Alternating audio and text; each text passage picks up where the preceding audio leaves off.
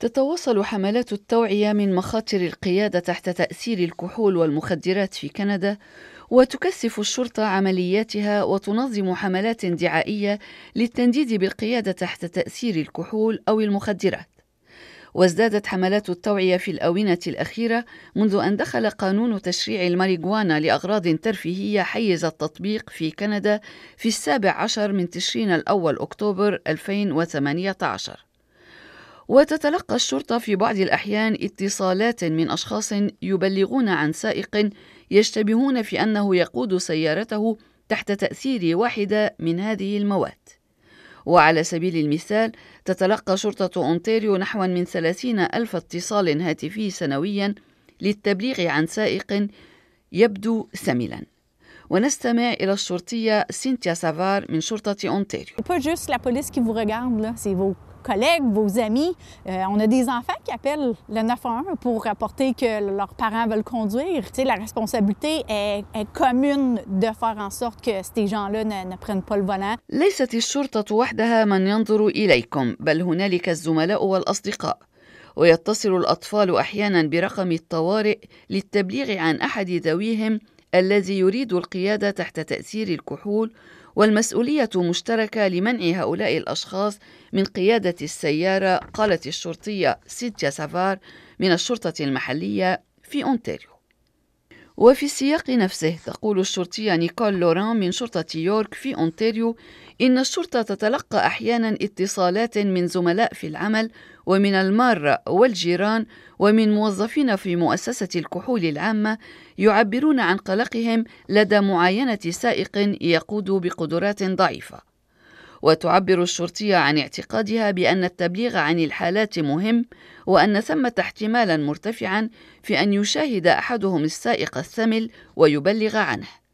وقد أطلقت شرطة يورك حملة توعية خلال فترة أعياد الميلاد ورأس السنة تحت عنوان طرقات آمنة مكالمة منك تشجع من خلالها المواطنين على أن يساهموا في أن تكون الطرقات أكثر أمانا وقد تلقت خمسة آلاف اتصال للتبليغ عن حالات مشتبهة من القيادة تحت تأثير الكحول.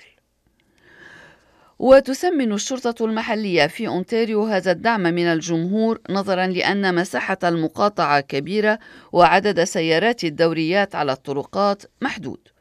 وتحظر القوانين الكندية استخدام الهاتف الخليوي أثناء القيادة ولكن شرطة أونتاريو تسمح به فقط للاتصال برقم الطوارئ للتبليغ عن سائق ثمل لأن ذلك يتيح لها تحديد مكانه بسرعة كما قالت الشرطية في شرطة أونتاريو سينتيا سافار. وبما أن المقاطعات الأخرى تحظر استخدام الهاتف الخليوي أثناء القيادة حتى للاتصال برقم الطوارئ فقد نصحت الشرطة الفيدرالية السائق الذي يشتبه بسائق ثمل أن يتوقف على جانب الطريق ويتصل برقم الطوارئ للتبليغ عنه أو أن يلجأ إلى خدمة hands-free أي دون استخدام اليدين.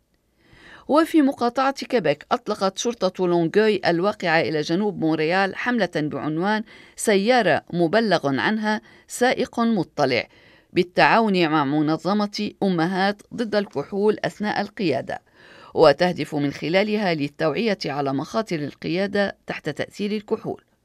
وترى المنظمة أن دور المواطنين في التبليغ عن الحالات المشتبهة مهم للغاية ويندرج في إطار الحلول الطويلة الأمد لاجتثاث المشكلة من أساسها.